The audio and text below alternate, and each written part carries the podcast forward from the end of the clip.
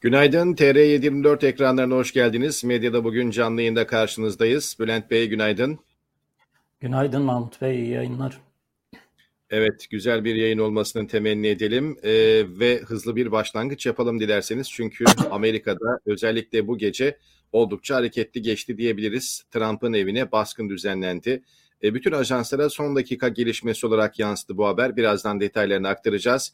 TR724'te şöyle birkaç başlık aktaralım. Birkaç da köşe yazısı var yeni onları duyuralım ve sonra hemen gündemimize geçelim. E, yargı resmen suç işliyor. İşte bu da ispatı şeklinde İlker Doğan'ın bir haber incelemesi var. Detayını izleyenlerimiz buradan bulabilirler ama e, bu konuyla ilgili şöyle kısa bir bilgi vereyim sadece. İnsan hakları hukukçusu Gökhan Güneş'in sosyal medya hesabında paylaştığı bir mahkeme kararından bahsediliyor burada. Burada kararın rezaletin geldiği boyutu göstermesi açısından önemli olduğuna vurgu yapılıyor. Karara göre sanığın Bankasya'da hesabı olmasa bile eşinin hesabının bulunması terörist olarak cezalandırılmasına yetiyor. Evet suç ve cezada şahsilik ilgesinin yerli bir edildiğini, hesap açmanın da parayı çekmenin de parayı çekmemenin de suç olduğuna dair bir yazı var burada. Ee, dış haberler var, ee, yine ekonomi haberleri var gördüğümüz ee, ve yine birçok gelişme de TR724'ün internet sitesinde bulabilirsiniz. Her dakika zaten yeni gelişme oldukça tazeleniyor. Ee, Nedim Hazar'ın yazısının başlığı evet isyan ve Ahmet ben Kurucan'ın yazısında ilgili... söylem, eylem uyumsuzluğu. Buyurun. Biraz, ön, biraz önceki haberle ilgili bir iki cümle söylemek istiyorum.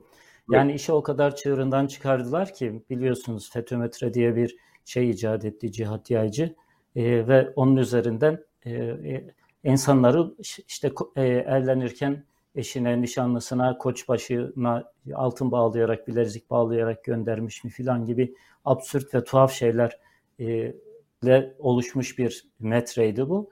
Ama hepsinden önemlisi şu. Oradan mesela sıfır puan bile alsanız bu sizin çok ekstra kripto olduğunuzu gösteriyor. Ya da mesela e, işte bu telefon uygulamalarından Bylog vesaire e, bunlardan hareketle bir kısım listeler, listeler oluşturuluyordu.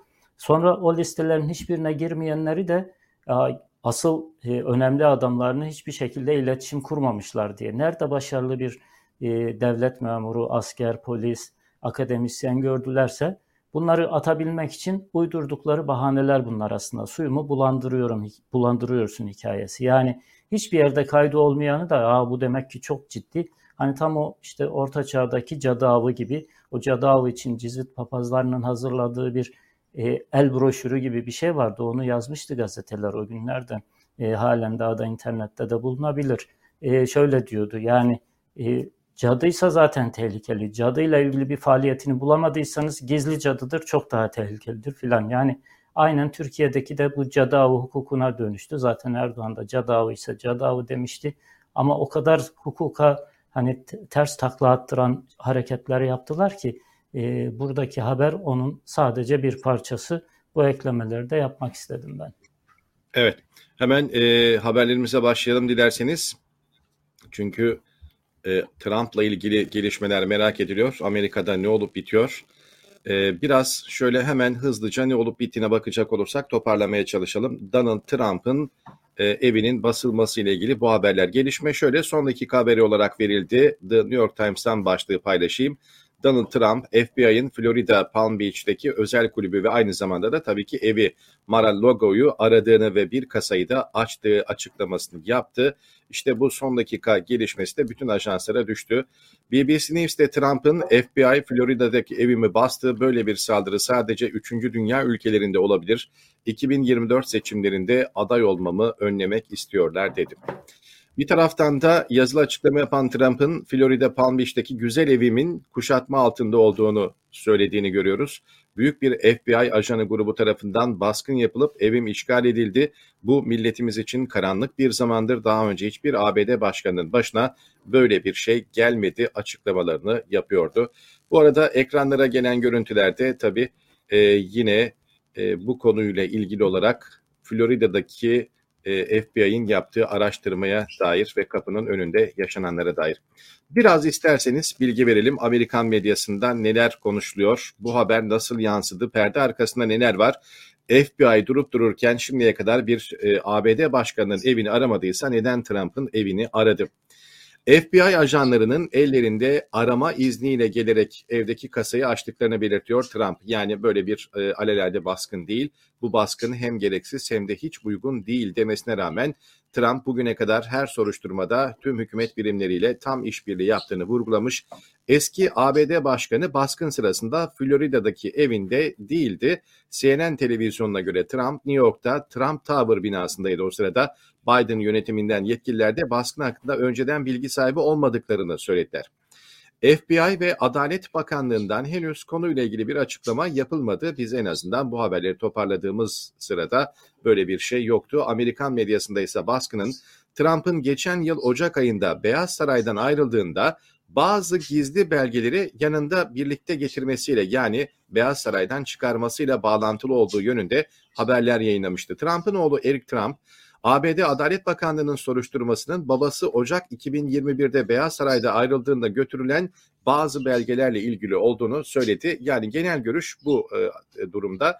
Ama CBS televizyonu da baskının Trump'ın bazı resmi belgeleri kullanma biçimiyle ilgili soruşturma kapsamında yapıldığını bildirdi. Amerikan Ulusal Arşiv Dairesi Şubat ayında Amerikan Adalet Bakanlığı'ndan bu konuda soruşturma başlatmasını istemişti. ABD başkanları ilgili yasa gereği görev süreleri boyunca yazdıkları tüm mektupları görevleriyle ilgili resmi bütün belgeleri ve elektronik posta yazışmalarını yani e-maillerini e, Ulusal Arşiv Dairesi'ne göndermek zorunda. Trump'ın yasa dışı bir şekilde başkanlık döneminden kalma birçok belgeyi yırttığı iddia ediliyor. Hatta Ulusal Arşiv Dairesi yırtılan bazı belgelerin yapıştırıldığını açıklamıştı. Trump ise resmi belgeleri uygunsuz kullandığına yönelik iddialarla ilgili olarak da bunlar doğru değil, sahte demişti. Bir başka akala gelen e, iddia var. O da yine Amerikan Kongresi'nin basıkın e, düzenlenmesiyle ilgiliydi. E, kongrede 6 Ocak 2021'de kongre binasına düzenlenen saldırı hala konuşuluyor Amerika'da ve soruşturmanın odağında da yine Trump var. E, Trump'ın saldırıyı televizyondan izlediği ortaya çıkmış. Temsilciler Meclisi'nde demokratların öncülüğünde oluşturulan komisyonda ifade veren bazı eski Beyaz Saray çalışanları ve yetkilileri Trump'ın çocuklarının ve yardımcılarının kendisine müdahale etmesi için yalvarmasına rağmen Trump'ın kılını bile kıpırdatmadığını ve harekete geçmediğini söylemişlerdi. Evet şimdi işte e, tabii ki bunlar iki farklı senaryo. Birisi Beyaz Saray'dan çıkarılan ve evine taşınan e, ve taşınmaması gereken gizli belgelerle ilgili olduğu söyleniyor ve kasanın açılmasının da yine sebebi büyük bir ihtimalle bu resmi belgelerle e, olduğu ilgili olduğu söyleniyor. Diğer bir yine e, tahminse bu soruşturmayla yani kongreye saldırı soruşturması ile ilgili olabileceği yönünde ama e, genel ağırlığın e, gizli belgelerle ilgili olduğu yönünde bir ağırlıklı görüş hakim. Şöyle hemen bir tekrar bakalım diğer gelişmelere. Washington Post'ta neler söylendi? E, Cumhuriyetçilerin önde gelenleri FBI'ın Mar-a-Lago kulübünde ya da daha doğrusu Trump'ın oradaki evinde yapılan arama çalışmasının itibarsızlaşma çabası olarak değerlendirdiler. Beyaz Saray'a yeniden aday olma şansını engellemeyi amaçlayan siyasi bir saldırı olduğu yönünde görüşler belirtiyorlardı. Evet The New York e, Times'tan bir başka e, yine yoruma göre soruşturmaya aşina olan birçok kişiye göre bu arama Donald Trump'ın Beyaz Saray'dan ayrılırken hem özel kulübü ve hem de ikametgah yani evi olan Mar-a-Lago'ya beraberinde getirdiği bazı materyallere ve belgelere odaklanmış durumda. Laura Rosen'ın attığı tweette de hep burada belgeler de paylaşılıyor. Ajanların Trump'ın özel kulübünde ve konutunda başkanlığına ait diğer gizli belgeleri yasa dışı bir şekilde hala elinde tuttuğundan şüphelendiğinden bahsediyor. Yani Beyaz Saray'dan çıkarılan belgeler kadar bazı gizli belgeleri hala elinde tuttuğuyla ilgili şüpheler olduğuna yer veriliyor. Evet TR724'te bu gelişmeleri izleyebilirsiniz. Bununla ilgili görüntüler de var. Bir taraftan da Trump destekçileri yavaş yavaş evinin önünde toplandı. Bu haberi duyar duymaz ve FBI ajanları tarafından evinin baskına uğradığını söylemesinin ardından Trump'ın polis ve Donald Trump destekçileri Palm Beach, Florida, Mar-a-Lago'da konutunun önünde toplandılar. AFP'den geçen bazı burada bir taraftan e, fotoğraflar da var. Hem bunları paylaşalım hem de TR724'ün e, yine ekranlarınıza getirdiği görüntüler eşliğinde bunları da söylemiş olalım. Evet, e, bazı cumhuriyetçi valiler tarafından da Trump'ın evinin aranması kınandı. Trump Beyaz Saray'dan aldığı potansiyel olarak sınıflandırılmış materyallere odaklanmış gibi görünen bu aramayı adalet sisteminin silahlandırılması olarak nitelendirdi. E, daha sanıyorum bir süre daha bir e, bu konuyla ilgili gelişmeleri hem takip edeceğiz ama Amerika uzun bir süre sanıyorum bu konuyu konuşacak. Evet e, Bülent Bey en azından ilk dakikalar itibariyle e, medyaya yansıyan gelişmeler bu şekilde Trump'ın evinin aranmasıyla ilgili olarak iddialar ve haberler. Burada dikkat çeken iki konu var. Bu Türkiye'deki insanların da dikkatini çekecektir umarım. Bir tanesi e, bu aramaya e, aramayı yapan kurumun direktörünü yani FBI'nin direktörünü Trump bizzat atamıştı. Yetmedi arama kararına imza atan yargıcı da Trump'ın atadığına dair haberler, bilgiler geliyor. Bu doğru şayet e, kurumların bağımsızlığı, kurumların siyasetten farklı olması, yargının kendi başına bir güç olmasının aslında ne demek olduğunu e, çok e, yaşayarak, çok canlı bir örnek üzerinden görmüş oluyoruz. Yani hukukun herhangi bir siyasi partinin, herhangi bir siyasi e, kişinin köpeği haline gelmesinin nelere yol açtığını biz Türkiye'de yaşayarak gördük. Tersi örneği de şu anda Amerika Birleşik Devletleri'nde görüyoruz. Yani bizzat Trump'ın atadığı bir direktörün başında bulunduğu kurum, bir teşkilat, bir polis teşkilat, daha doğrusu güvenlik teşkilatı, soruşturma teşkilatı ve e, o kararın altında imza atan yargıcın da bizzat Trump tarafından atandığı söyleniyor. Şu anda Türkiye'de bu nasıl yansıyacak? Ben merakla onu bekliyorum. Hani bu gece itibariyle yaşandığı için gazetelerde çok bir şey göremedik. İnternet medyaların medyasında da sadece e, vakay rapor şeklinde haberler görüyoruz ama açıkçası ben yandaş medyadan Trump'ı savunan ve bu baskını eleştiren yayınlar bekliyorum. Hatta kimi AKP'li sözcüler, yetkililer bile bizzat topa girip bunu yapabilirler. Hatırlarsanız seçim sürecinde e, Trump seçilsin diye Amerika'daki bir e, Müslümanlar arasında kampanya bile yapmıştı AKP'liler. Ee, Anadolu Ajansı bu tür haberler yapmıştı. Camilerde kampanyalar yapmışlardı. Ee, ta ki Trump seçilsin diye normal şartlarda hani Trump Erdoğan'a çok ağır hakaretler eden, işte ABD'nin büyükelçiliğini e, Kudüs'e taşıyan, İsrail'i bir anlamda hani Türkiye'nin ya da bu siyasal İslamcıların tezlerinin rağmına e, İsrail'i büyütmeye çalışan bir ABD başkanı olarak biliniyor e, ya da İsrail'e verdiği destekle biliniyor. Buna rağmen e, sırf Halkbank soruşturmasını biraz oyaladığı için Halkbank soruşturmasının devreye girmesinde engelleyici, tıkayıcı ki ne kadar engelleyebildi ancak bu kadar engelleyebildi. Çünkü yargı gerçekten orada bağımsız yani olabildiğince bağımsız belki dünyadaki en bağımsız yargılardan birisi diyebiliriz. E, onun diyeti olarak Trumpçılık yaptılar. Seçim döneminde Trumpçılık yaptılar. Şu anda da ben bekliyorum birazdan bir kısım AKP'li troller hatta AKP'li yetkililer devreye girip bunun hukuksuz olduğunu, bunun bir polis devleti olduğunu, Trump'ın seçilmesini engellemeye dönük olduğunu filan söyleyeceklerdir.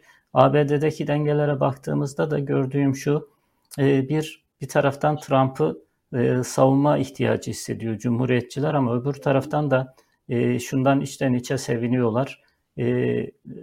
Trump tekrar aday adayı olursa Cumhuriyet Parti'nin Trump'ı aday göstermeme gibi bir şansı yok. Çünkü gerçekten popülaritesi çok yüksek ve taban siyasetini iyi yapan birisi ama Trump'ın Amerika'yı nereye getirdiğini en son e, parlamento baskınında görmüştük. Yani parlamento baskınını kışkırttığı için hatta bir başkan olarak görevini yerine getirip o baskını e, bu o boyutlara yani canlı yayında hepimizin izlediği boyutlara gelmesini önleyici tedbirleri almadığı için aslında o baskından dolayı suçlanabilecek e, bir durumda.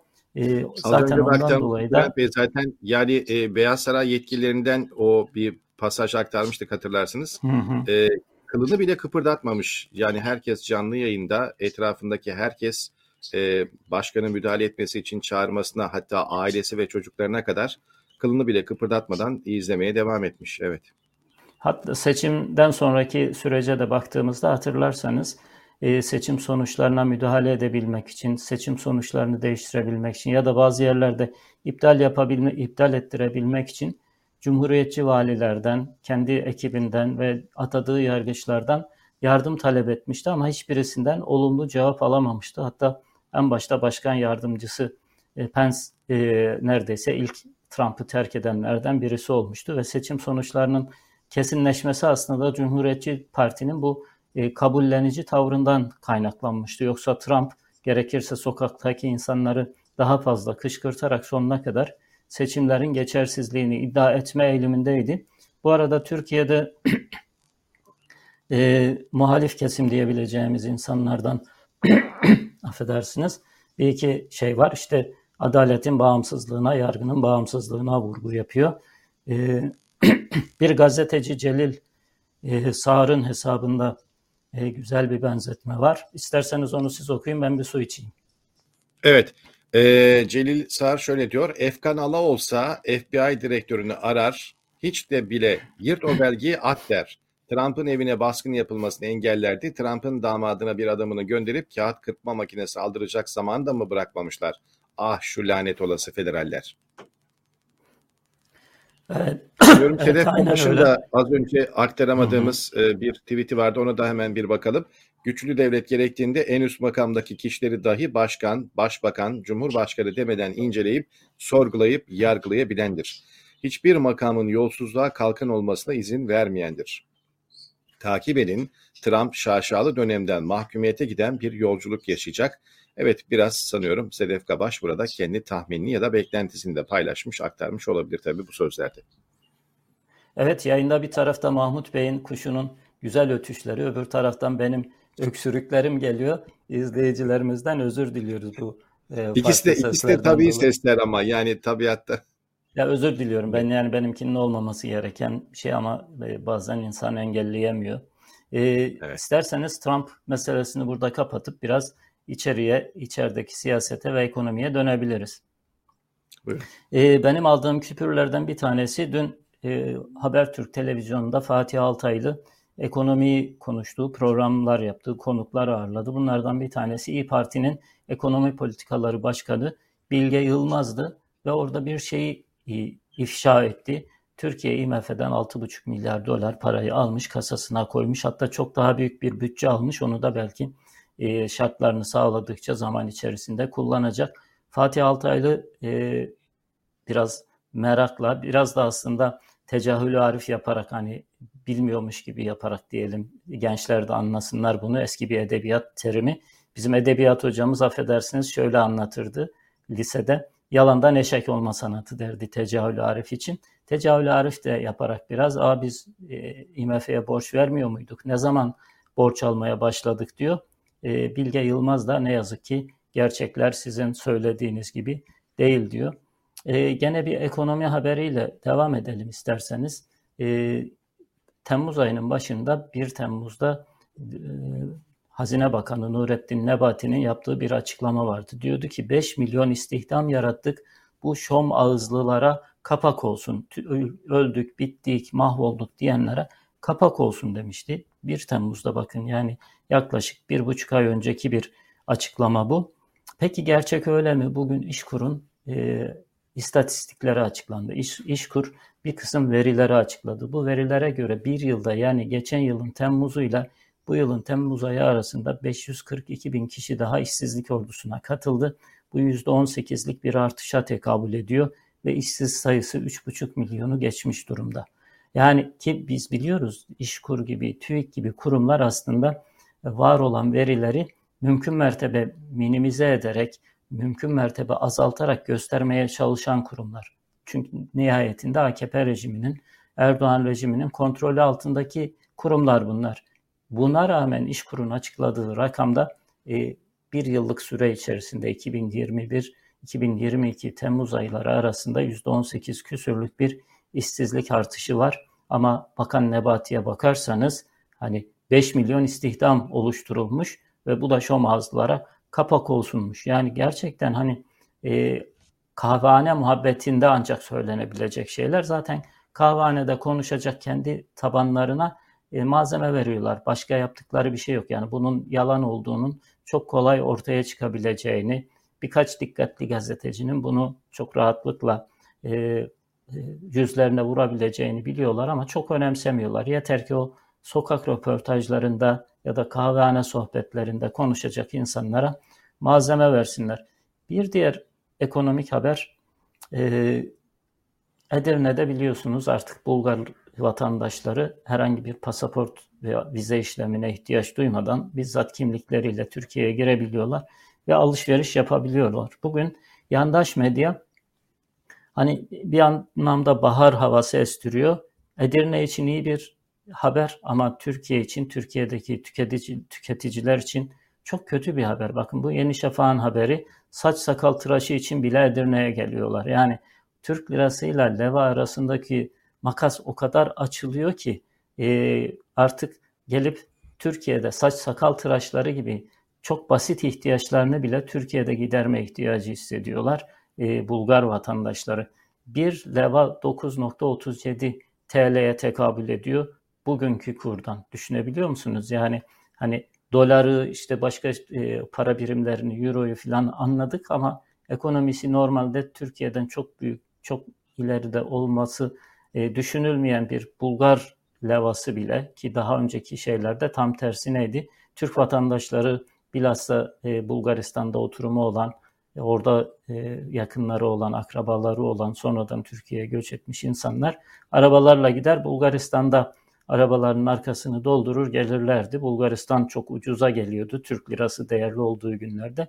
Şimdi Bulgarlar gelip e, Türkiye'den e, alışveriş yapıyorlar. Hatta başka bir gazetede yine e, diyor ki yerliler 100 gram alıyor bu çerez cinsi ki onu da herhalde orta gelirin üstündeki insanlar alıyordur artık fındık fıstık yiyecek, e, ceviz yiyecek dar gelirli kalmadı. İnsanlar ancak ekmeğe parası yetiyor.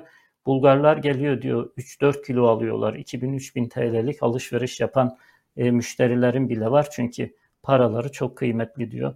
Bu e, ne yazık ki ekonominin kötü gidişinin bir işareti. Yani e, Edirneliler adına, Edirne'deki esnaf adına belki sevinebiliriz ama yandaş medyanın bu haberler bu kadar büyütmesi aslında bir anlamda biraz e, hayattan kopma stratejik körlükte diyebiliriz. E, Dünya Gazetesi'nin ekonomiyle ilgili bir haberi var. KDV'de tahsilat oranı %31 seviyesine düştü. E, toplam vergi tahakkuklarındaki tahsilat oranı %69, %70'in altına geriledi. Bu hiçbir zaman %80'in altına düşmüyordu. İki gerekçe gösteriyor Dünya Gazetesi. Onları ben kırmızıyla işaretledim. Aslında o iki gerekçe de çok e, başka alarm zillerin çalmasını gerektiriyor. Bir tanesi nasıl olsa vergi affı gelecek diye bir kısım insanlar e, vergi borçlarını ödemiyorlar deniyor. Ödeyen insanlar onlar her zamanki gibi keriz durumuna düşecekler affedersiniz. Yani e, devlet bunu her zaman işletiyor. Bilhassa Erdoğan hükümeti, Erdoğan hükümetleri bunu çok sık yaptı. Bilhassa da yandaşlar ödemiyor. Bilhassa da beşli çete dediğimiz Erdoğan'ın muhtemetleri ödemiyor vergilerini. Onların vergileri biriktikçe e, bir af çıkarılıyor, bir yeniden yapılandırma çıkarılıyor ve normalde işte e, çiftçinin borcunu dün konuşmuştuk. Çiftçinin borcundan dolayı tarlalarına haciz giderken beşli çetelerin borçları, e, devlete olan borçları, vergi borçları birer birer siliniyor. Bir diğer gerekçe de e, cezayı göze alarak daha düşük maliyetli olması hasebiyle e, finansman olarak kullanıyorlar. Finansman kaynağı olarak kullanıyor. Bir kısım işletmeler e, vergilerini ödemiyorlar. Bunları finansman kaynağı olarak kullanıyorlar. E, bu da Türkiye'deki aslında bankaların sağladığı kredilerin ne kadar fahiş, ne kadar e, yüksek e, bir e, bedel istediğini gösteren bir haber. E, her ne kadar Merkez Bankası bankalara %14 ile para verse de bankalar bu parayı alıp %40 ile 41 ile e, esnafa, sanatkara ya da normal tüketiciye e, vererek büyük karlar elde ediyorlar. E, devam edelim. E, bu hükümetin en büyük hedefi neydi? TL'ye dönmek, TL'leşmek, milli paraya dönmek filandı. İşte çok önemli bir gösterge. Bir yıllık getiri içerisinde en, en yüksek getiri %13 ile dolarda. E, mevduat yani Türk lirasına yatırım yapanlar %35 kaybetmişler. Bu hem borsada kaybetmişler hem mevduat hesabı olarak kaybetmişler. Bu da ekonominin e, nasıl e, uçtuğunu ama havaya uçtuğunu yani uçuşa geçtiğini, rampadan fırladığını filan değil, e, bombanın patlaması gibi uçtuğunu gösteren haberlerden bir tanesi. Yeni Asya'nın manşeti hani var. TL'de İşsiz... kalın, TL'ye güvenin, TL'ye kal, e, TL'de kalan zarar etmeyecek diye söz veriyorlardı ama. Ya işte tablo ortada. Bunlar resmi veriler. Yani TL'de kalanlar, o TL'de kalın ve bize güvenin sözüne güvenenlerin e, şeyi ortada. Düştüğü durum ortada ki kimse de güvenmedi. Yani dolarizasyon öyle bir hale geldi ki işte kur korumalı mevduat hesabı çıkardılar. E, şeye dolara Türk lirasını dolara endekslediler. Dolar ne kadar artarsa biz sizin TL'nize o kadar para vereceğiz filan dediler. E, ancak bu, şekilde dolarizasyonu ne, bir nebze frenleyebildiler ama gene de işte başladığımız noktaya geri döndük. 18'i geçti, 17 civarlarındaydı dolar e, bu kur korumalı mevduat başladığında. Şu anda 18'i geçti, e, 18 civarlarında iniyor çıkıyor. Yani e, evet frenledi ama büyük belki patlamayı bir nebze önlemiş olabilir ama yine de eski seviyesine gelmesini önleyemedi. E, bir diğer ekonomik haber aslında bu, bu tür haberleri gazetelerin e, çok yer vermesi lazım. Milliyetin manşeti ve e, devletin, kamunun da bunu bir kampanyaya dönüştürmesi lazım. Yalıtım Türkiye'de en önemli sorunlardan bir tanesi. Yurt dışında enerji enerji sarfiyatını önlemenin en kolay yolu yalıtım yapmak. Yani kullandığınız enerjiden tasarruf yapmak en ucuz enerjidir. Yani kullandığınızdan sağladığınız, kazandığınız, geri aldığınız enerji aslında e, en ucuz enerjidir, en ucuz e, maliyettir. Ne yazık ki Türkiye'de bu bilinç yok. Bu bilinç olmadığı gibi e, kamunun da böyle bir hassasiyeti, böyle bir bilinçliliği ya da halkı bilinçlendirme çabasını göremiyoruz. Bir diğer ekonomik haber şeker ve buğday taktiği Milli Gazete'nin manşeti e, pahalılık almış başını gidiyor. Elde stoklarda kamunun elindeki bir kısım e, ürünleri el altından pahalı, pahalı, ucuz fiyata el altından birilerine satıyorlar ve o birilerini zengin ediyorlar. Her adımda, her şeyde yani sineğin yağını bile hesap ediyorlar diyebiliriz. Her şeyden, şekerden, undan, işte buğdaydan, elektrikten, köprüden, her şeyden e, kendi yandaşlarına bir sermaye aktarımı, aktarımı yapmanın yolunu buluyorlar. Yani bütün hayatlarını e, buna odaklamışlar gibi görünüyor. Yani varsa yoksa biz bu sermaye artışını, sermaye aktarımını nasıl sağlayabiliriz? Yani devletten alıp yandaşa veriyorlar, milletten alıp yandaşa veriyorlar, insanlardan alıp yandaşa veriyorlar. Böyle bir düzenek kurmuşlar ve hiçbir e, şeyi maddeyi ıskalamıyorlar. Yani buğdayda da böyle, şekerde de böyle. E, bir diğer ekonomik haberi Türkiye'de artık İsviçre saatleri e, yatırım aracı haline gelmiş. E, bir ay önce hatırlarsanız şeyi konuşmuştuk. Türkiye'de e, giysiler, giyim e, ürünleri bile, ayakkabı, gömlek, işte iş çamaşırı bunlar bile neredeyse artık neredeyse değil Dünya Gazetesi'nin haberiydi bu. Yatırım aracına dönüştü. İnsanlar nasıl olsa pahalanacak diye kıyafet satın alıyorlar. E, kullanmasam bile ya da kullandıktan sonra ikinci elde satarım diye kıyafete yatırım yapıyorlar. Kıyafetin yatırım aracı haline geldiği bir ülke. E aynı şekilde İsviçre saatleri de tür, e, bütün dünyada bir talep patlaması var. E, bundan dolayı ihracatı artmış durumda. %12 artırmış bütün dünyaya ihracatını İsviçre saatleri. Ama en fazla artışın yaşandığı ülkelerden bir tanesi Türkiye. %38.6 düzeyinde bir artış var Türkiye'de İsviçre saatlerine talep e, noktasında. Tabii ki bu talep fiyatlarını da artırdı. E, gazetecilik biraz daha hafızadır. E, hemen hafızalarımızı tazeleyelim. İsviçre saati dediğinizde aklınıza ne geliyor? Evet, bingo, Zafer Çağlayan geliyor. Bakan ee, saati, evet. E, bakan ve saati bir konuşmayı hatırlıyorsanız mecliste bana saat aldı diyen, bunun parasını ödemedi diyen şerefsizdir affedersiniz gibi yüksek sesli bir açıklama yapmıştı. Sonra e, bir fatura gösterdi. Doğrudan şirket bu faturanın sahte olduğunu açıkladı. Bu sefer başka bir fatura yayınladılar. O fatura da Reza Zarraf'ın imzaladığı e, peçete belge diye artık literatüre geçen bir kağıt parçası yayınladılar. O kağıt parçasına göre güya Zafer Çağlayan e, 240 bin euro olan şeyi elden e, Reza Zarrab'a ödemiş. Yani Reza Zarrab e, koskoca bakan kendisine saat almak için neden Reza Zarrab'ı aracı kılsın filan. Hepsi bir kenara bunun e, Türk e, yolsuzluk tarihine altın bir belge olarak geçtiğini söyleyelim. Yani peçeteye yazıp kendisini kurtarmaya çalışan bir belge. E, bunu nereye bağlayacağım? Şuraya bağlayacağım. O günkü hesapla 240 bin euro imiş e, Zafer evet, Çağlayan'ın şey saati. Evet ama e, o da epeyce kar etmiş bu eurodaki artış ve tabii ben şu anda o saatin kaç lira olduğunu bilmiyorum. Onun fiyatını da ayrıca üstüne koyabiliriz ama 4 milyon 320 bin lira şu anda Zafer Çağlayan'ın saati. O dönemde 700-800 bin lira olduğu tahmin ediliyordu. Bakanın 700 bin liralık, bakanın 800 bin liralık saati diye haberler yapıyorduk biz. Bakanın 4 milyonluk saati diye bunu güncelleyebiliriz. Evet, epey değer kazanmış gerçekten. Ee, ben birkaç haber paylaşayım. Dış haberden sizi biraz dinlendirelim. Siz nefeslenirken e, bir taraftan da şöyle olup bitenlere bakalım dışarıda neler yaşanıyor. Ukrayna çok uzun bir zamandır aslında e, sorunlarla, savaşla, yoklukla e, ve bir taraftan da insani dramlarla boğuşmaya devam ediyor ama maalesef işte insanoğlunun e, ve haberciliğin de aslında bir parçası bu. İlk günlerde bütün dikkatler o yönde oluyor ama ilerleyen günlerde yavaş yavaş bunun azaldığını ve ilerleyen zamanlarda da neredeyse gündemden hızla geriye doğru düştüğünü görüyoruz. Ukrayna'da bir taraftan insanlar ölmeye devam ediyor. Bombalar patlıyor, yokluk var, kış yaklaşıyor.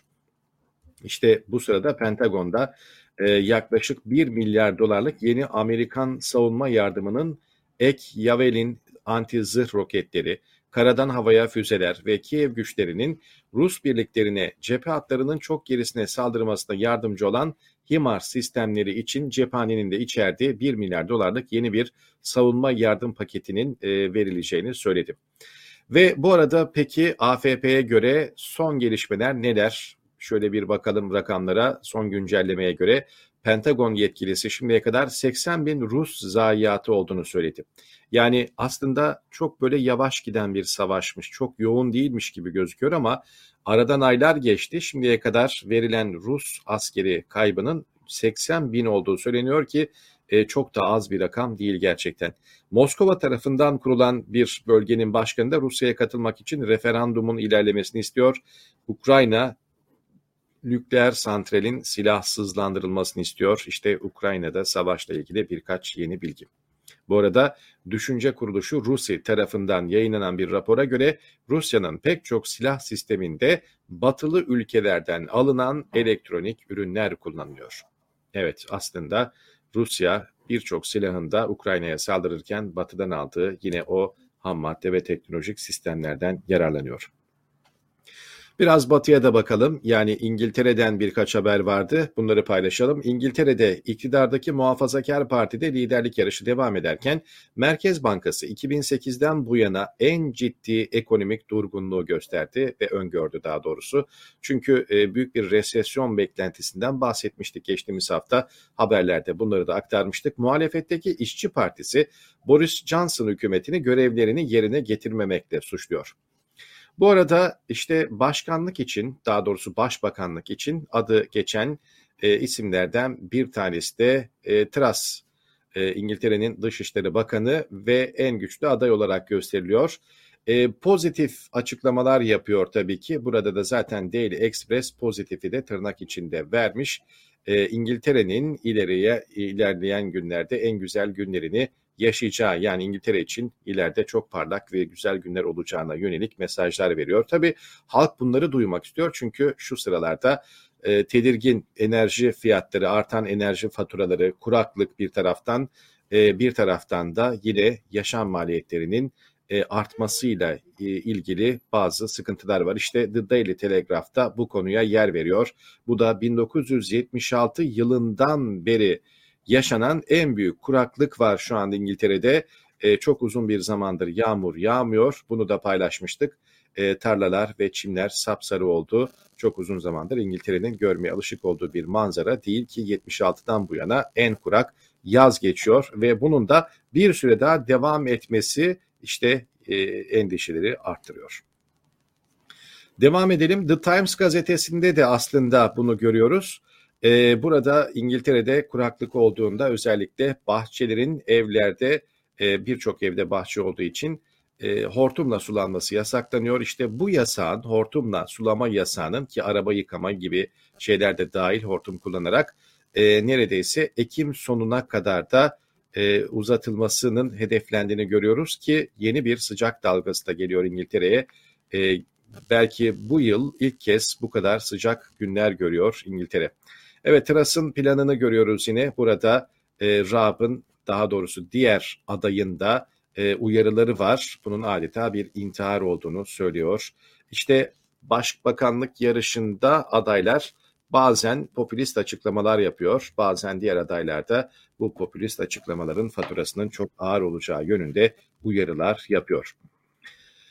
Evet, Grease belki birçoğumuzun hatırladığı efsane bir diziydi. Ee, onun da yine e, aktörlerinden e, Olivia'nın, Dame Olivia'nın 73 yaşında ölümüyle ilgili e, haberler vardı. Ya, hemen hemen bütün haberlerde çünkü bu resmi gördüğünüz için öyle ufak bir hatırlatma da yapmış olalım. E, belki yaşı tabii ki ilerleyenler bu dizileri e, geçmişten hatırlayabilir. Biraz daha devam edelim dünyadan. Dünyanın en yaşanabilir yeri bir kez daha Avusturya'nın başkenti Viyana oldu.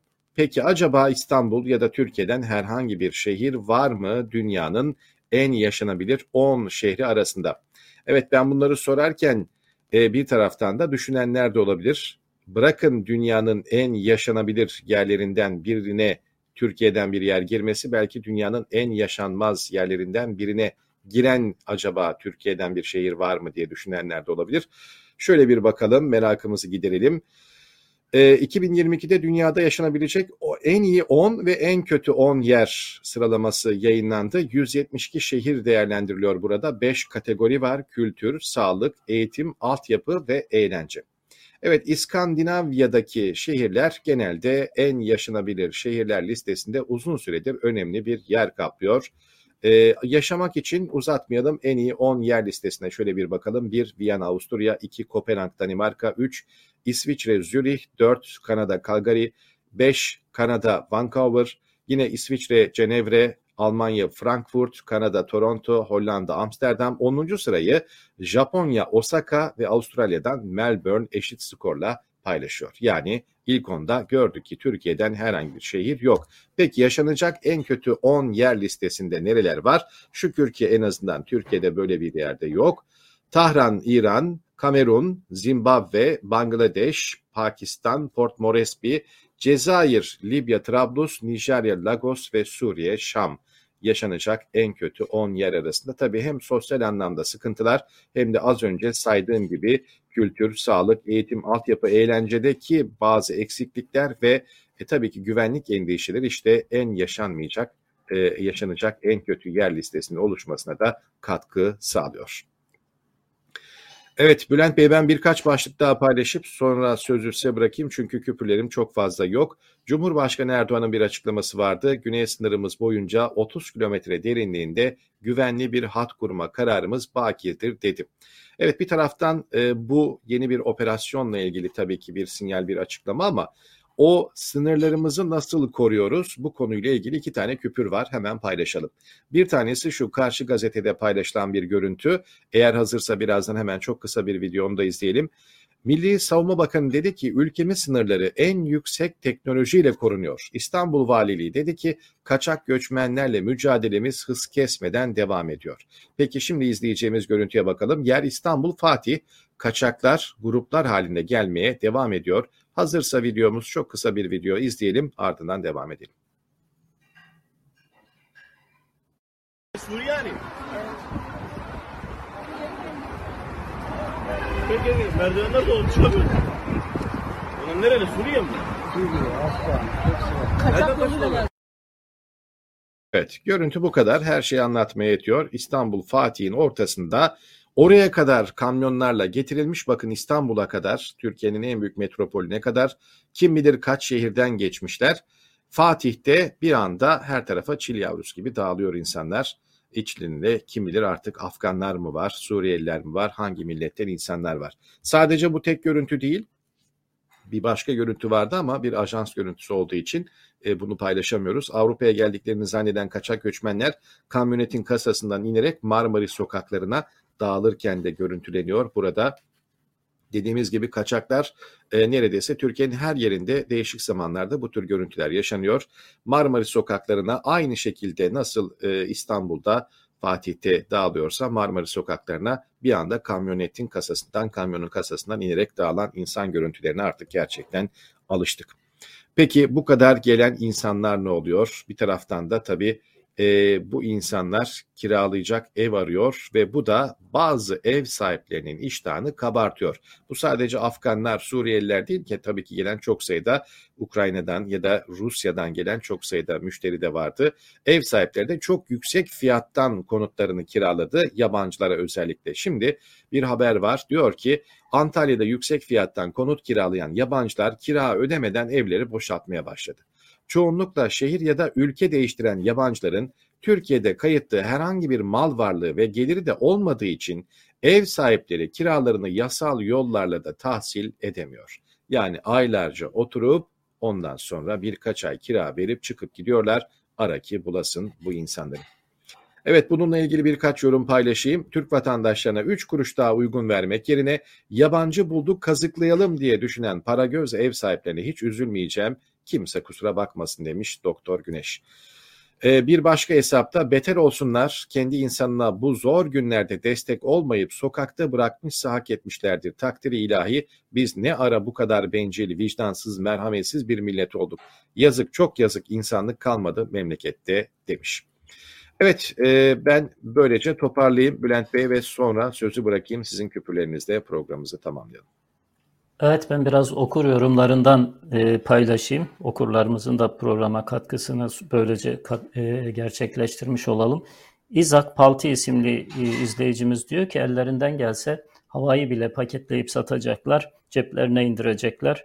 Gülsüm Nalici isimli izleyicimiz diyor ki hiç şimdiye kadar böyle büyük bir hırsızlık düzeni görmedim.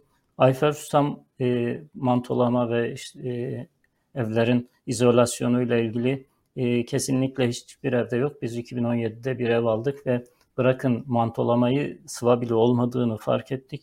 Mecburen biz artık kendimiz yapacağız ama evin içine girdikten sonra maliyetinden ziyade biliyorsunuz evin içinde yaşanan evde tadilat e, çok zor e, ve ne yazık ki Türkiye'de de böyle bir e, hani meslek bütün mesleklerde bir aşınma, meslek ahlak aşınması olduğu için de ben şahsen mesela Türkiye'deyken küçük bir tadilat yaptırmak istiyorduk. Bir pencere çocukların odasında küçük bir pencere yeri açalım dedik. Adam geldi duvarı deldi gitti bir hafta sonra geri geldi. Yani Allah'tan yaz günüydü de şey yapmadık. Yani çok büyük bir sıkıntı yaşamadık. E, bu tür böyle zorluklarla da karşılaşıyor insanlar. Kendileri yapsalar, kendileri yapmak isteseler bile. E, bunun ötesinde gene e, haberlerimize yani bizim paylaştığımız haberlerle ilgili insanların yorumları var. E, yeri geldikçe gene e, onları da paylaşırız. Ben hızlıca bakabiliyorum ancak malum bir taraftan evet. yayını takip ediyoruz. Mülteciler ee, konusunda birkaç şey var. Ben de hemen onları e, söyleyeyim. Mesela hı. Ömer Yılmaz ülke mülteci kampına döndü demiş e, ve bunların mutlaka Afgan olduğuna yönelik bir tahminde bulunmuş. İzak e, Pati yanlış okumadım herhalde. Evet Palti. Fatih Arapça bilmezseniz kimseyle anlaşamazsınız diyor. Özgür Ruh e, adlı kullanıcı da PUBG oyunu gibi sanki havadan atıyorlar demiş. Gerçekten Türkiye'nin e, dört bir tarafına yayılıyor. Ayfer Susan da ülkede oldu nasıl yaşayacağız yeter artık şeklinde bir değerlendirmede bulunmuş. Evet ben Türkiye gündemine devam edeyim isterseniz. Ee, bugünkü gazetelerin hemen hepsinde olan bir haber. Önemli bir haber bence de. Önemli bir adım. Geç kalmış bir adım.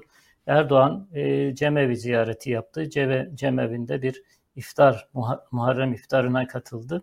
E, bununla ilgili haberler var ama bence daha önemlisi iktidarıyla muhalefetiyle bir mutabakat sağlanmış durumda. Karar Gazetesi'nin manşeti bu zaten. Provokasyona karşı cevap cemevinde. E, iktidar ve muhalefet partileri burada e, Meral Akşener yok ama o da saldırıya uğrayan cemevine gitmişti. E, bu aslında iyi bir gelişme, do- doğru bir adım. Umarız bu adımları atmaya devam ederler. E, bu küpürleri paylaşalım. Sonunda Cumhurbaşkanlığı seçimi ile ilgili küçük bir şeyim olacak, e, yorumum olacak. O, onu da E, unutursam da lütfen siz hatırlatın program heyecanıyla unutabiliriz. Erdoğan 20 yıl sonra ilk kez cemevine gitti. Bu Sözcü gazetesinin tercih ettiği başlık. Erdoğan cemevinde Çankaya Cemevi Başkanı'nın verdiği BBC Türkçe'ye verdiği bir beyanattan alınmış bir cümle bu. E, ibadethane statüsüne kavuşturulmasını talep etmiş oraya o yemeğe katılan davetlilerden, e, dedelerden bir kısmı. Erdoğan bu konuda bir yorum yapmamış. Sadece size sonuna kadar destek olacağız, provokasyonları önleyeceğiz. Bu saldırılar bizim birliğimize yapılmış gibi genel geçer şeyler söylemiş. Bizzat gitmiş olmasını ben önemli buluyorum. 20 yıl sonra yapılmış olsa bile, gecikmiş bir ziyaret olsa bile e, o aradaki mesafenin kısalmış olmasını umut ediyorum. Umarım e, Erdoğan ve siyasal İslamcıların kafasındaki Alevi algısını biraz değişmesine e, yardımcı olur. Bununla ilgili bu ziyaretle ilgili bir kısım eleştiriler de var.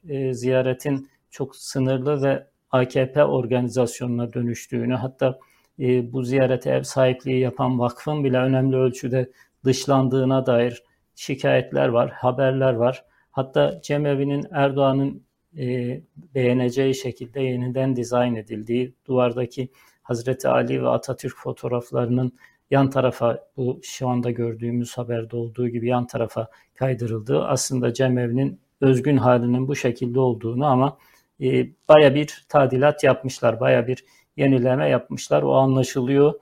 E, gene e, hani gazetecilik demek şeyin e, ha, biraz hafızadır e, diye biraz önce söylemiştim. Onu e, hatırlatarak tekrar bir e, küpür paylaşayım, bir tweet paylaşayım. Emine Erdoğan da aşure ile ilgili e, bir tweetle bu yıl yetindi.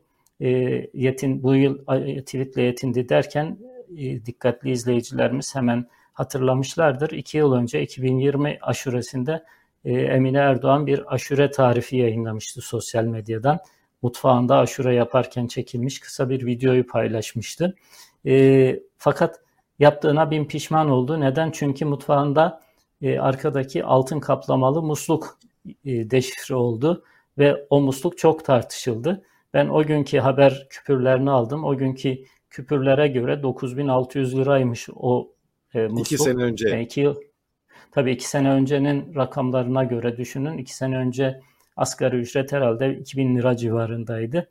Yani yaklaşık o günkü fiyatlarla 4 asgari ücretten fazla e, ya tekabül eden bir musluğun önünde aşure yapmak e, ve fakirlere ya da insanlara aşure dağıtmak e, beklenenin aksiyle gerçekleşti. Hani e, medyada pirince giderken evdeki altın musluğu göstermiş oldular.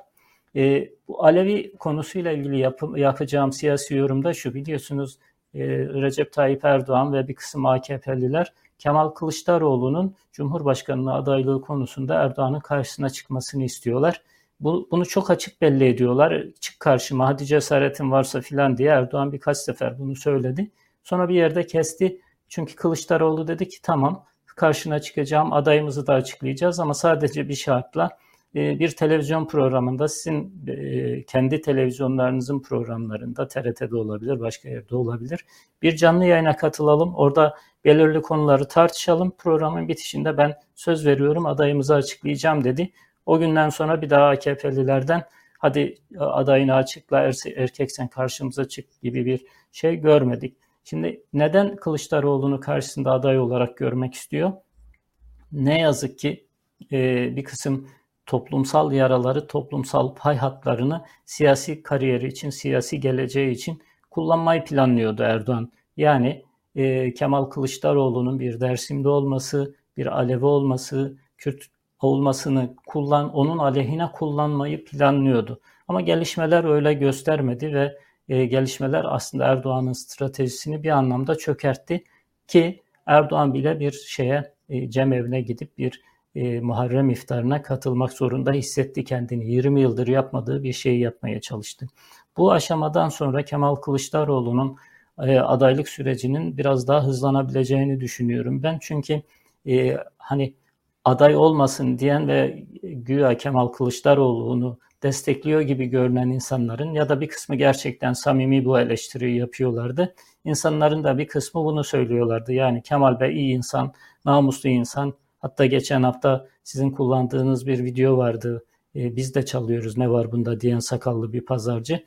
Konuşmanın sonunda Kemal Kılıçdaroğlu'na bir şey diyemem. Dürüst bir adam ama ona oy vermem gibi bir şey söylemişti. Şimdi Kemal Kılıçdaroğlu ile ilgili en önemli handikap Alevi ve Kürt kimliği olarak gösteriliyordu. Şimdi bu son yapılan saldırılar ve o saldırılara toplumun verdiği tepki aslında hani eleştirmek gerektiğinde eleştiriyoruz ama e, hakkını teslim etmemiz gerektiğinde de teslim edelim. Toplumu saldırıları desteklemediği için oradaki fay hattını ateşlemenin, harekete geçirmenin AKP'ye siyasi bir rant getirmeyeceği görüldü ve o stratejiden geri adım atıldı diye düşünüyorum ben. Bu da Kemal Kılıçdaroğlu'nun e, adaylık sürecini hızlandıracak bence. Zaten dün de yanılmıyorsam Edirne'de bir şeyde evet. e, toplantıda e, Cumhurbaşkanı olarak anons edilmiş CHP'liler tarafından Kemal Bey. E, dediğim gibi yani bu e, Alevi şeyini tırnak içerisinde söylüyorum AKP'lilerin şeyi e, jargonuyla Alevi silahının el, AKP'nin elinde Erdoğan'ın elinde patlamış olması en azından toplumsal huzur adına iyi bir gelişme diye düşünüyorum. İnşallah haksız çıkmam, inşallah yanılmam. Evet, bugün başka küpürümüz var mı? Yavaş yavaş toparlıyor muyuz? Var. Ee, yok, benim küpürlerim var. Siz o zaman şeylere bakın. Ee, okur yorumlarına bakın. Ben evet. e, devam edeyim. Bir tanesi şu. Hemen hemen bütün gazetelerde var. Bir genç kız, 15 yaşında bir genç kız hayatını kaybetti. 5 kez kaçırıldı, 35 kez şikayet etti ama yine de ölümden kurtulamadı ve vuruldu. Bu genç kızların, kadınların Türkiye'de uğradığı şiddeti gösteren önemli haberlerden bir tanesi. E, yargıya başvuruyorsunuz, adam 5 kez kaçırmış, 35 kez hakkında şikayette bulunulmuş ama e, hiçbir şekilde güvenlik, yani sadece koruma kararı almıyor. Ya bu koruma kararı e, kimseyi korumadı ortaya çıktı. Bu kaçıncı koruma kararı alındığı halde öldürülen kadın ya da genç kız. Yani bunun bir işe yaramadığı ortada. Neden yargı, neden e, mahkemeler, neden savcılar daha ileri e, tedbirler almayı düşünmüyorlar ya da kanun yapıcılar neden bu konuda daha sert tedbirler almıyorlar? Bunu e, şapkamızı önümüze koyup düşünmemiz gerekiyor. E, bu, bu haberler içerisinde önemli gördüğüm bir tanesi bu akşam gazetesinin küpürü. E, sosyal medya aslında şu anda bilhassa genç kızları, küçük çocukları, yaş küçük çocukları tuzağa düşürmek isteyen insanlar için bir şey, e, av sahası gibi tabiri yerindeyse. Onun için sosyal medyaya, bilhassa çocukların sosyal medya kullanımına azami dikkat etmesi gerekiyor ailelerin. Sosyal medyada böyle e, güzel görünümlü, iyi görünümlü, insan görünümlü bir kısım vahşilerin, bir kısım canavarların tuzağına düşebiliyor e, çocuklar. E, önce bunu söylemiş olayım. Diğeri de dünkü yayın sırasında chatten bir izleyicimiz bu fuhuş tuzağına düşürülen genç kızlarla ilgili yayın yapar mısınız? E, bununla ilgili bir şeyler söyler misiniz demişti. Ben de yarın bu konuyu konuşalım. Çünkü dün gerçekten çok uzatmıştık yayını. E, bu konuda insanlara iki şeyi ta- tavsiye edebilirim. Bir Cevheri Güven bu konuda çok iyi bir video yapmıştı kendi kanalında. Sonra ben de kendi şahsi kanalımda onunla kısa bir e, röportaj yaptım. Orada tekrar anlattırmıştım. Cevheri Güven'in videoları bu konudaki videosuna bakabilirler. İki, e, bir e, avukat ve akademisyen, ceza hukuku akademisyeni var Dilek Ekmekçi. Kendisini neredeyse bu, bu konuya adamış durumda. Çünkü kendisi küçük yaşta, bebek denilecek yaşta e, öksüz ve yetim kalıyor. Bir aile tarafından çok büyük bir şans, çok büyük bir talih bir aile tarafından evlat ediniliyor ve çok iyi bir e, yaşam kuruyor kendisine ama biyolojik ablası ne yazık ki yetiştirme yurtlarında kalıyor. E, Dilek Ekmekçi daha sonra e, kendi hikayesi üzerinden ablasına ulaşmaya çalışıyor, annesine ulaşmaya çalışıyor ve ablasını bu yetiştirme yurtlarında kurulan fuhuş e, tuzağına düşmüş bir insan olarak buluyor. E, onu kurtarmaya çalışıyor. Onunla ilgili bir kısım e, kişisel hikayesini paylaştığı YouTube'da kanalı var. Twitter'da e, iki farklı e, hesap üzerinden bu haberleri paylaşıyor. E, kendisine çok büyük saldırılar yapılıyor. Yargı kullanılarak saldırılar yapılıyor. Polis kullanılarak saldırılar yapılıyor. Susturulmak için ellerinden ne geliyorsa bunu adlarına koymuyorlar. Dilek Ekmekçi'nin hesapları da takip edilebilir. Burada korkunç olan şu Dilek Ekmekçi'nin de anlatımlarından ve e, bizzat e, yaşanan ve medyaya da konu olan haberlerden gördüğümüz şey şu. Dünyanın her yerinde ne yazık ki bu e, kadınları, genç kızları, bilhassa korumasız e, çocukları fuhuş tuzağına çeken çeteler var. Bunlar bürokrasiden, yargıdan, güvenlik bürokrasisinden e, rüşvetle ya da başka vasıtalarla e, çetelerinin amacına uygun o doğrultuda kullandıkları insanları devşiriyorlar. Dünyanın her yerinde çark böyle işliyor. Bizdeki kötülük şu, bizde çarkın oluşturucusu bizzat yargı mensupları çarkın oluşturucusu bizzat emniyette üst düzey görev yapan insanlar. Yani ko- şeyin Koray Öner diye mesela istihbarat daire başkan yardımcılığı yapan e, şimdi başka bir göreve atanmış e, bir kişiden bahsediyor Dilek Ekmekçi ve o kişinin o şeyin e, organizasyonun, o suç organizasyonunun santral kişisi olduğunu, temel çekirdek kadrosunda yer aldığını söylüyor. Bir kısım yargıçların isimlerini veriyor.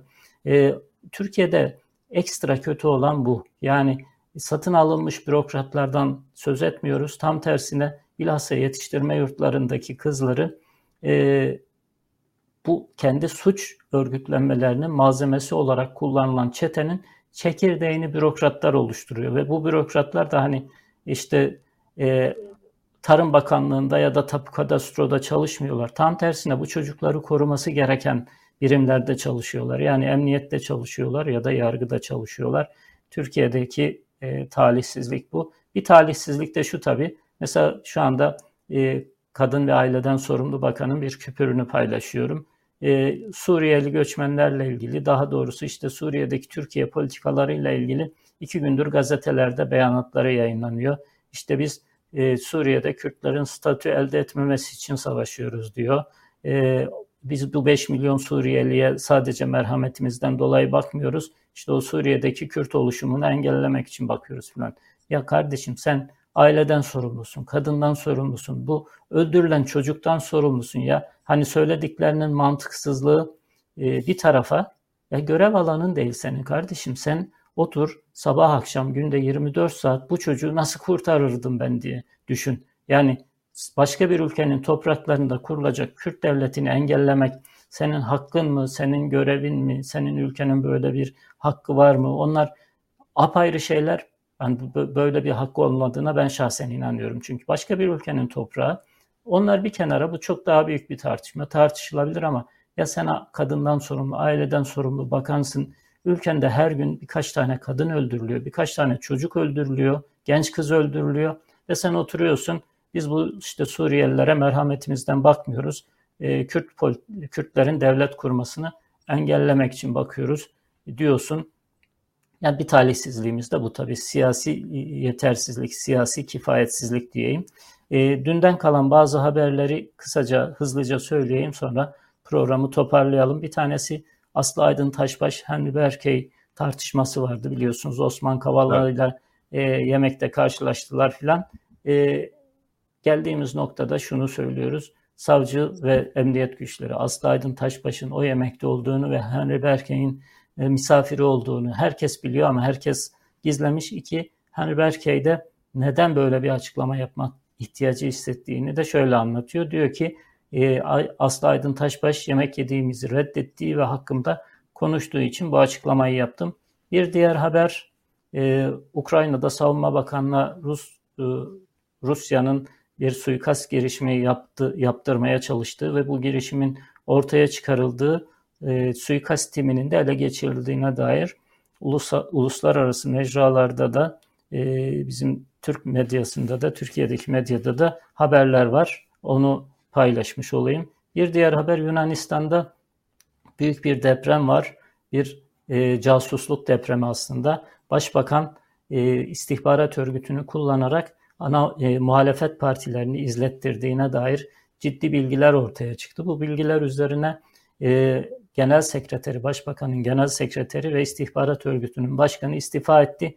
Başbakan benim haberim yoktu, haberim olsaydı engellerdim diyerek şu anda kendisini kurtarmaya çalışıyor ama e, şöyle bir mukayese yapın. Türkiye'de e, İçişleri Bakanı çıkıyor ana muhalefet partisi liderinin bir dişçide ne konuştuğuna dair bilgiler paylaşıyor. Diyor ki sen işte falanca tarihte filanca dişçiye gittin şunları şunları konuşmadın mı? Şimdi konuştu konuşmadı o ayrı bir şey de sen bir İçişleri Bakanı olarak nereden bunu nereden biliyorsun? Nereden biliyorsun? Yani bu aslında bir suç itirafıdır. Bakın dünyanın hani herhangi bir demokratik ülkesinde, herhangi bir hukuk e, devletinde bu direkt suçtur. İşte başbakan şu anda kendisini kurtarmaya çalışıyor. Kendisini Yunanistan Başbakanı kendisini kurtarabilmek için genel sekreterini feda etti. İstihbarat örgütünün başkanını feda etti. Belki de kendini de kurtaramayacak büyük ihtimalle. Okkanın altına o da gidecek. İşte az buçuk demokrasiyle hiç demokrasinin az buçuk e, hukuk devletiyle hiç hukuk devletinin arasındaki fark bu. Yani Türkiye'de böyle bir şey ortaya çıksa ne olur? Helal olsun derler. Yani Kemal Kılıçdaroğlu'nun ya da Meral Akşener'le ilgili bir kısım gizli belgeleri yandaş medyada sayfa sayfa, çarşaf çarşaf görebiliriz. Hiç kimse de utanmaz. Zaten utanma denen duygunun bu ülkeden çekilip alındığı e, epeyce oldu. Bir başka haber bu ancak Türkiye'de olabilir diyebileceğimiz bir haber. Onu da paylaşıp e, paylaşıp e, müsaade isteyelim izleyicilerimizden. Maraş'ta fay hattı üstünde yapılan hastanede çatlak. Bakın bir vatandaş gidip e, fay hattı üstünde gece konduğu yapabilir. Hani yapamaz. Normalde gece konduğu yapmak zaten kanunsuz ama fay hattı üstü vesaire bu tartışılır. E, ne bileyim bir müteahhit kurnazlık yapabilir. Hukuka, ahlaka, e, insanlığa aykırıdır. Bunu da yapabilir. Hani Türkiye'de yapabilir diyelim. Hani o şerhleri düşünerek, düşerek hukuksuzluk, ahlaksızlık şerhlerini düşüre, düşerek söyleyelim. Ya bir kamu kurumu bir bina yapıyor ve bu yaptığı bina da hastane kardeşim. Yani deprem olduğunda insanların sığınacağı yer, yaralıların getirileceği yer, Getirileceği bir yer. yangın olduğunda insanların sığınacağı yer, yaralıların işte hayatı kurtarılması gereken kişilerin getirileceği yer. Bunu fay hattı üstüne yapıyorsunuz. Daha çok küçük böyle öncü sarsıntılarda bile hastanenin duvarlarında çatlaklar oluşmuş. Peki bunun hesabı birisine sorulacak mı? Elbette sorulmayacak. Kim bilir hangi, yandaş müteahhide yaptırıldı bu bina? Kim bilir hangi e, yandaş semirtme operasyonunun bir parçası olarak yapıldı ki e, biraz önce e, vergilerle ilgili e, şeylere yanlış hatırlamıyorsam Ömer Yılmaz yazmıştı. E, kimseye vermiyorlar, yandaş falan yok, kendileri doğrudan yiyorlar diyordu. Ben zaten baştan beri onu söylüyorum hatırlarsanız. Yani bunların çoğusu Erdoğan'ın muhtemedi. Sadece küçük komisyonlar veriyor beşli çeteye, yandaş müteahhitlere vesaire. Ama yani kısaca söyleyeceğim hani bir hastaneyi bile götürüp fay hattı üstüne e, yapabiliyorsa bir devlet e, yani bunun ötesi yok artık. O, o devletten bütün beklentilerinizi sıfırlayabilirsiniz. Evet. Bu sözlerle kapatalım dilerseniz. Geçtiğimiz haftada benzer haberler aktarmıştık çünkü şehir hastanelerinin bütün bilim adamlarının ve yetkililerin uyarılarına rağmen nasıl fay üzerine yine ısrarla yapıldığından bahsettik. İşte Türkiye gerçeği ancak Türkiye'de olur dedik.